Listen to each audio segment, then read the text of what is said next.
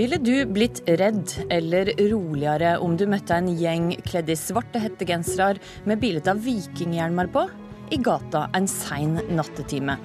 Odins soldater bør få honnør, mener Frp. Det er skremmende, sier Ap. Stavanger, Kristiansand, Drammen, Tromsø og Trondheim. Alle byer som har fått et nytt innslag i gatene på nattestid, nemlig Odins soldater. Grupper svartkledde som patruljerer i bygatene med mål om å beskytte. I Tønsberg stoler ikke nyverva soldater på at politiet klarer å holde ro i byen. Det er for mye som skjer i Tønsberg på nattestid til at de kan klare å holde situasjonen med ro overalt. Ronny Alte står i ei bakgate i Tønsberg hvor han akter å stoppe eventuelle kriminelle handlinger. Åpenlig salg av narkotika, uprovosert vold, seksuelle overgrep, tafsing, alle typer kriminalitet som begås i gaten. Hadia Tajik, nestleder i Arbeiderpartiet og leder i justiskomiteen. Ville det kjentes tryggere for det å gå ute nattestid om du visste at Odins soldater, som vi hørte her, passa på? Nei, tvert imot. Eh, Odins soldater de starta som en organisasjon i, i, Finland, Soldiers of Odin, eh, av en sjølerklært eh, nynazist. Med den begrunnelse at det var kommet altfor mange asylsøkere til, til, Finland. I Norge så har de en talsperson som er tidligere leder for Norwegian Defence League, som er en sterkt islamfiendtlig organisasjon. De lefler sjøl med høyreekstreme symboler. Eh, og folk som er komfortable med eh, å fremstå på den måten og ha denne type profil, de er ikke med på å redusere noen konflikter i våre bybilder. Tvert imot. Jan Arild Ellingsen, du er justispolitisk talsperson i Frp. Og du ikke så, blir ikke så skremt av Odins soldater. Du mener derimot at de bør ha honnør. Hvorfor det? La meg starte med det viktigste først, nemlig at Fremskrittspartiet gir selvfølgelig ikke noe, noe uh, ubegrensa tillit til Odins soldater. Men det er altså sånn at vi har tidvis et bybilde som ingen ønsker seg. Hvor det begås kriminalitet, det begås andre handlinger vi ikke ønsker oss, og der norsk politi ikke har ressurser nok til å gjøre jobben. Og Da syns vi at enhver borger som ønsker å bidra for å redusere utrygghet, redusere kriminaliteten, bør få honnør nettopp for det. Så du mener altså at selv om dette er eh, ei gruppe som har sympatier eh, og, og, er starta av en, av en eh, sjølerklært eh, nazist, så bør vi kunne stole på at også disse ønsker det beste for innbyggerne. I utgangspunktet så straffer vi en ganske sjelden holdning her i dette landet, og det syns jeg er bra at vi ikke gjør. Eh, og Det er sånn at det er straffeloven som tar opp eh, i seg det som trengs av begrensninger på det. Hvis denne gjengen velger å begå kriminelle handlinger, så skal de selvfølgelig straffes som alle andre. Men hvis de bidrar til det motsatte, og så gir norske borgere og andre i dette landet økt trygghet og redusert kriminalitet, ja, da syns vi at det er et positivt bidrag og ikke et negativt bidrag. Kan en sammenligne Odins soldater med natteravnene? Hvis man ser på det de ønsker å oppnå, så tror jeg at man kan gjøre det. Jeg tror selvfølgelig ikke at natteravnene ønsker det, og det gjør muligens ikke Odins soldater heller. Men i et større perspektiv, der det handler om å redusere kriminaliteten, redusere utryggheten for borgerne, så syns jeg vi skal være forsiktige med å se at noen er gode og andre er dårlige. Så lenge man opererer innenfor lovens tekst, så bør alle få lov å gjøre det, så lenge man bidrar, bidrar positivt. Ja, Tajik, En kan ikke stemple disse som onde når de ikke har gjort noe kriminelt. Jeg ønsker bare å beskytte. Det er ytrings- og demonstrasjonsfrihet i landet. Det gjelder selvfølgelig òg for Odins soldater. Men det er ikke lov med privat eh, vaktvirksomhet. altså Det er ikke lov med borgervern. Det er langt på vei det som Odins soldater sier at de kommer til å drive med når de sier at de vil patruljere, at de vil dokumentere kriminelle handlinger, at de vil hindre kriminelle handlinger. I vår kultur og i vår rettstradisjon så er det noe politiet skal gjøre. Det er heller ikke tillatt uten videre å drive med privat vaktvirksomhet. Man eh, trenger offentlig tillatelse. Det er nøye lov lovregulert, man skal bære synlig legitimasjon. Og de representerer jo òg et verdigrunnlag som helt åpenbart ikke bidrar til økt trygghet i Norge. Så registrerer jeg at Ellingsen sier at eh, politiet ikke får til dette på en god nok måte fordi de ikke har ressurser til det. Det er ganske oppsiktsvekkende. For det er hans justisminister Anders Anundsen som sitter i regjering nå, som har i oppgave å sikre at politiet har de ressursene de trenger for å holde det norske folk trygge. Hvis Ellingsen mener at det ikke er bra nok, så må han ta det opp med sin justisminister. Ja, Ellingsen. Ja, Det er vel også et faktum da til min kjære leder i justiskomiteen at selv i Arbeiderpartiets regjeringstid så greide man ikke å fjerne all kriminaliteten. Og jeg tror heller ikke at det er mulig med dagens ressursøkning som regjeringen har lagt inn, å fjerne utrygghet og fjerne all kriminalitet her i landet. Det vil ikke være mulig. Jeg vet ikke hvor store budsjetter vi må ta da. Og Derfor tenker jeg at utenfor de bevilgningene og den jobben politiet gjør, så er det positivt at andre ønsker å bidra. Det være seg natteravner eller andre. Og så kan vi selvfølgelig mislike holdninger, vi kan mislike bekledning, men til syvende og sist så har vi noen grensetrekninger her, og det er straffeloven. Nå har vi litt eh, dårlig linje på det, Ellingsen, så jeg lurer på om du skal få lov til å flytte det bitte lite grann, og så skal jeg stille eh, Hadia Tajik et spørsmål i mellomtida. Og det er altså sånn at eh, en blitt, politiet er ikke enige om noe enhetlig strategi her. I Drammen så fulgte en politibil denne gruppa rundt når de var ute i byen. I Finnmark ble de ønska velkommen, og i Kristiansand ble de vist bort. Hva bør politiet gjøre med denne gruppa? Når vi diskuterer dette, så må vi ta forbehold om at eh, det kan være lokale forhold som politiet kjenner til, knytta til enkeltpersoner som gjør at det er spesielt grunnlag for å følge noen tettere enn det man følger andre. Eller at de kan ha fått inn tips som gjør at de er nødt til å være tettere på enkelte steder enn det de er nødt til å være andre steder. Jeg forutsetter i hvert fall at politiet har samme type oppmerksomhet knytta til Odins soldater, en gruppering som har sitt utspring fra en eh, leder som sjøl sier at han er nynazist, på samme måte som de ville fulgt en gruppering som kaller seg sjøl islamistisk, eh, og som eh, måtte påstå at de tar til gatene for å bidra til økt trygghet i Norge. Ellingsen, hvordan mener du politiet bør forholde seg til Odins soldater? Jeg mener de skal forholde seg til straffeloven. Straffeloven er tydelig på hva som er akseptabelt og hva som ikke er akseptabelt. Og Det er ganske interessant å se de forskjellene i Politi-Norge. Der man i Finnmark sier at det her ser man som OK ut, mens andre steder har man en helt annen tilnærming. Og Det kan selvfølgelig være sånn som Hajik var inne på nå, at det er forskjellene som gjør at politiet holder et ekstra øye med dem. Og Det syns jeg er helt greit. Fordi at det er ingen som ønsker seg et privat eh, skal vi kalle det for noe, ikke vaktselskap, men, men noen soldater som driver og privatpraktiserer norsk lov her. Det har det ingenting med å gjøre.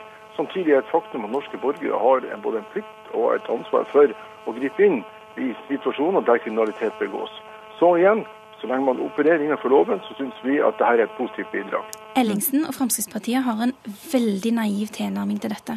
Å snakke om Odins soldater på denne måten her, det er akkurat det samme som å si at islamistiske miljøer gjerne må uniformere seg og opptre i bybildet, sånn som Odins soldater eh, gjør.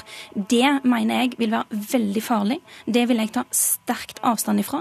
Det at man har ytrings- og demonstrasjonsfrihet, betyr ikke at man skal oppfordre til at eh, man skal stifte organisasjoner som driver med denne type borgervernsaktiviteter, som det Odins soldater sier at de gjør. Ok, Ellingsen, eh, kort til slutt. Altså, hvis det islamistiske miljøet hadde gått ut og sagt at de ønska å drive borgervern, hvordan hadde du sett på det? I utgangspunktet syns jeg ikke noe skal drive borgervern, men hvis enkeltpersoner ønsker å være ute og bidra til å redusere kriminaliteten, redusere utryggheten som borgerne føler, så hvor de kommer ifra. Og religion, etnisitet, hudfarge, språk er ganske uvesentlig for min del. For det er noe prinsipielt som må ligge i bunnen der, nemlig at man opererer innenfor loven, og at man gjør det til beste for samfunnet. Jan Arild Ellingsen, takk for at du var med oss i Politisk kvarter. Hadia Tajik, du blir med oss litt videre.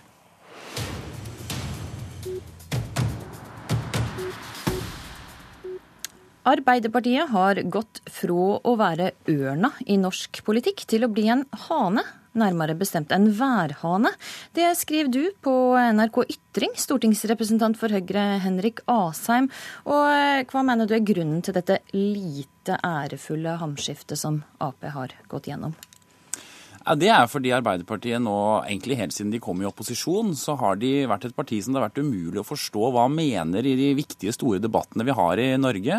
Jeg hadde denne kronikken på trykk hos dere for under en uke siden, og bare på de dagene som har gått, så har det kommet nye eksempler på at Arbeiderpartiet vingler og er uklare, enten det er i alliansepolitikken, hvor VG i går måtte skrive på lederplass hva er det Arbeiderpartiet holder på med, eh, eller at vi våknet jo i går til en forside hvor Hadia Tajik annonserte at nå skal de gjeninnføre arveavgiften, en arveavgift som Marianne Martinsen og Jonas Gahr Støre for et år siden annonserte at de ikke skal gjeninnføre. Og vi hadde ikke rukket engang å sette oss ned til lunsj før det kom en ny pressemelding fra Arbeiderpartiet som sa at det ikke er sikkert vi skal gjeninnføre arveavgiften. Sånn at det er så mange signaler og så mange meninger at et parti fremstår som det er tre-fire partier, for det kommer helt an på hvem du snakker med for hva partiet mener. Nestleder i Ap, Hadia Tajik. Det er altså tre-fire partier? Arbeiderpartiet nå? Nei. Det som er realiteten, er at eh, Høyre har latt det gå sport i å karakterisere ethvert politisk budskap som kommer fra Arbeiderpartiet, med den type begreper at de sier at vi driver med vingling. Og Det kan jo virke som at grunnen til at de gjør det, er jo fordi det krever ingen bakgrunnsforståelse å komme med den påstanden. Det er lett å komme med den, det er lett å eh, opptre med den, det er lett å få gehør for den. Bare for å ta ett konkret eksempel. Nå hadde vi nettopp en debatt med Fremskrittspartiet om Odins soldater. Da satt jeg og sa at det må være lov, og, altså det er ytrings- og demonstrasjonsfrihet, det er lov å ta til gatene, men at jeg samtidig sa at jeg tar sterkt avstand fra verdigrunnlaget deres, eh, og er mot at man skal drive med den type borgervernsaktiviteter. Mm. Med Høyre sin logikk så har jeg jo da både vært for og imot at Odins soldater opptrer i bybildet. Med deres logikk så er jo til og med det uklarhet og vingling. Men realiteten er at dette er en legitim, nyansert, komplisert politisk diskusjon, og Arbeiderpartiet er et ansvarlig parti som tar de tingene på alvor. Asheim, det er bare legitim nyansering som Arbeiderpartiet driver med. Det er noe du ikke forstår her? altså Nyansering i politikken er kjempeviktig. Eh, og Det tror jeg både Høyre og Arbeiderpartiet er for. Men det som er det store problemet, er at Arbeiderpartiet mener ikke nyanserte ting. De mener stikk motsatte ting om den samme tingen. Altså det, sant, Ta kommunereformen, hvor dere har hatt tror jeg, alle standpunkt det er mulig å ha. Asylpolitikken, hvor dere har hatt tror jeg, alle standpunkt det er mulig å ha. Jeg kan ramse opp oljepengebruk, hvor partilederen var for å bruke mer penger om morgenen og mot å bruke mer penger om kvelden. Og det store problemet med dette Hadia Tajik, det er jo ikke at dere er et nyansert parti, men at dere er et uklart og vinglete parti. Fordi vi vet ikke hvem vi forholder oss til. Og én ting er at Høyre og Fremskrittspartiet ikke vet helt hvem som stiller til valg mot oss. Men det som er mye mer alvorlig, er at velgerne ikke vet hvilke alternativer de har å velge mellom. Fordi dere ikke klarer å gi helt klare svar. Ta f.eks. arveavgiften. Men ett budskap om morgenen på en forside, et annet budskap til lunsj i en ny pressemelding. Legg okay, ta akkurat det med arveavgifta. Legg merke til hva der sa, en, der sa de ikke først at vi vil ikke gjeninnføre arveavgifta. Nå sier du eh, I går sa du til Klassekampen at ja, vi vil, eh, vi vil se på en ny modell for arveavgifta. Ikke så rart at eh, det blir anklaga for vingling. Legg merke til det han gjør. Ved at en kommer med den type påstand, den type merkelapp, så må jeg da bruke tid på å forklare hva som faktisk er sant. Selv om det han kommer med, er en falsk anklage. For det var Arbeiderpartiet som jo var med på å avvikle arveavgiften. Vi var med på å trappe den ned da vi selv satt i regjering. Det jeg har gitt uttrykk for, det er at vi i forbindelse med partiprogrammet for Arbeiderpartiet selvfølgelig må ta alle politiske debatter, inkludert å diskutere om eh, det går an å finne en skattemodell for eh, arv som er rettferdig. Det mener jeg er en fornuftig måte å drive politikkutvikling på. Se òg at i en tid der Norge opplever den høyeste arbeidsledigheten på over 20 år, så er det Høyre bruker tid på, det å komme med denne type karakteristikker. Det er jo, det er jo en karakteristikk som man nå kan bruke om deres egen politikk. Altså Den ene dagen så er de mot flyseteavgift, så er de for. Så er de for å fjerne lærere som ikke har kompetansekrav, så er de mot. Først så vil de kutte i barnetillegget til uføretrygden, så vil de ikke det. Ok, Asheim, si du, vingler, er... du vingler litt eh, du også, Høyrem Høyre her? Nei, altså Poenget er at Arbeiderpartiet har nei, altså, Arbeiderpartiet er på et spor hvor de sier at denne vingleanklagen det er noe som vi har funnet på inne på Høyres hus. Men det er altså ikke bare Høyre og Fremskrittspartiet som sier dette, det er nærmest et samlet pressekorps. Og ikke minst deres egne, Hadia Tajik. Når deres ordfører i Harstad sier jeg skulle ønske partiet kunne tørre å stå på det vi egentlig egentlig mener å være for kommunereform, så er ikke det mine ord. Når noen skriver på kronikkplass ingen vil ha en statsminister som snur knapp kappen etter vinden og endrer mening etter hvem han snakker med, så er ikke det mine ord. Det er ordene til lederen i Oslo AUF som skrev dette på kronikkplass. Og da er mitt poeng at dere kan ikke gjemme dere bak at dette på en måte er en ondskapsfull strategi fra politiske motstandere. Dette er realiteten. Hvis dere er lei av at folk påpeker at dere vingler, ikke klag på de som påpeker det, men slutt å vingle, og svar tydelig på de spørsmålene dere faktisk møter på. Okay, kort til slutt. AUF, at en AUF-leder krever klare svar fra sin partileder, det skulle bare mangle. Det er det ungdomspolitikere gjør. Jeg forventer på en måte at Unge Høyre opptrer på samme måte. Men dette, dette er da sitater som Høyre da bruker tid på å leite fram og løfte fram i en tid der vår egen, altså landets statsminister, eh, står i Stortinget, tar avstand fra retorikken til og språkbruken til sin egen integreringsminister. En av de store, viktige diskusjonene i vår tid. Men Høyre sitt blikk på politikken, det å drive negativ kampanje mot sin motstander. De burde ta ansvar for landet, for eh, innvandringspolitikken, for integreringspolitikken, okay. for den høye arbeidsledigheten. I stedet okay. så er det her de legger inn energien sin. Uh, Hadia Tajik, Henrik Asheim, takk for at dere var med i Politisk kvarter. Denne sendinga er slutt. I studio i dag var Astrid Randen.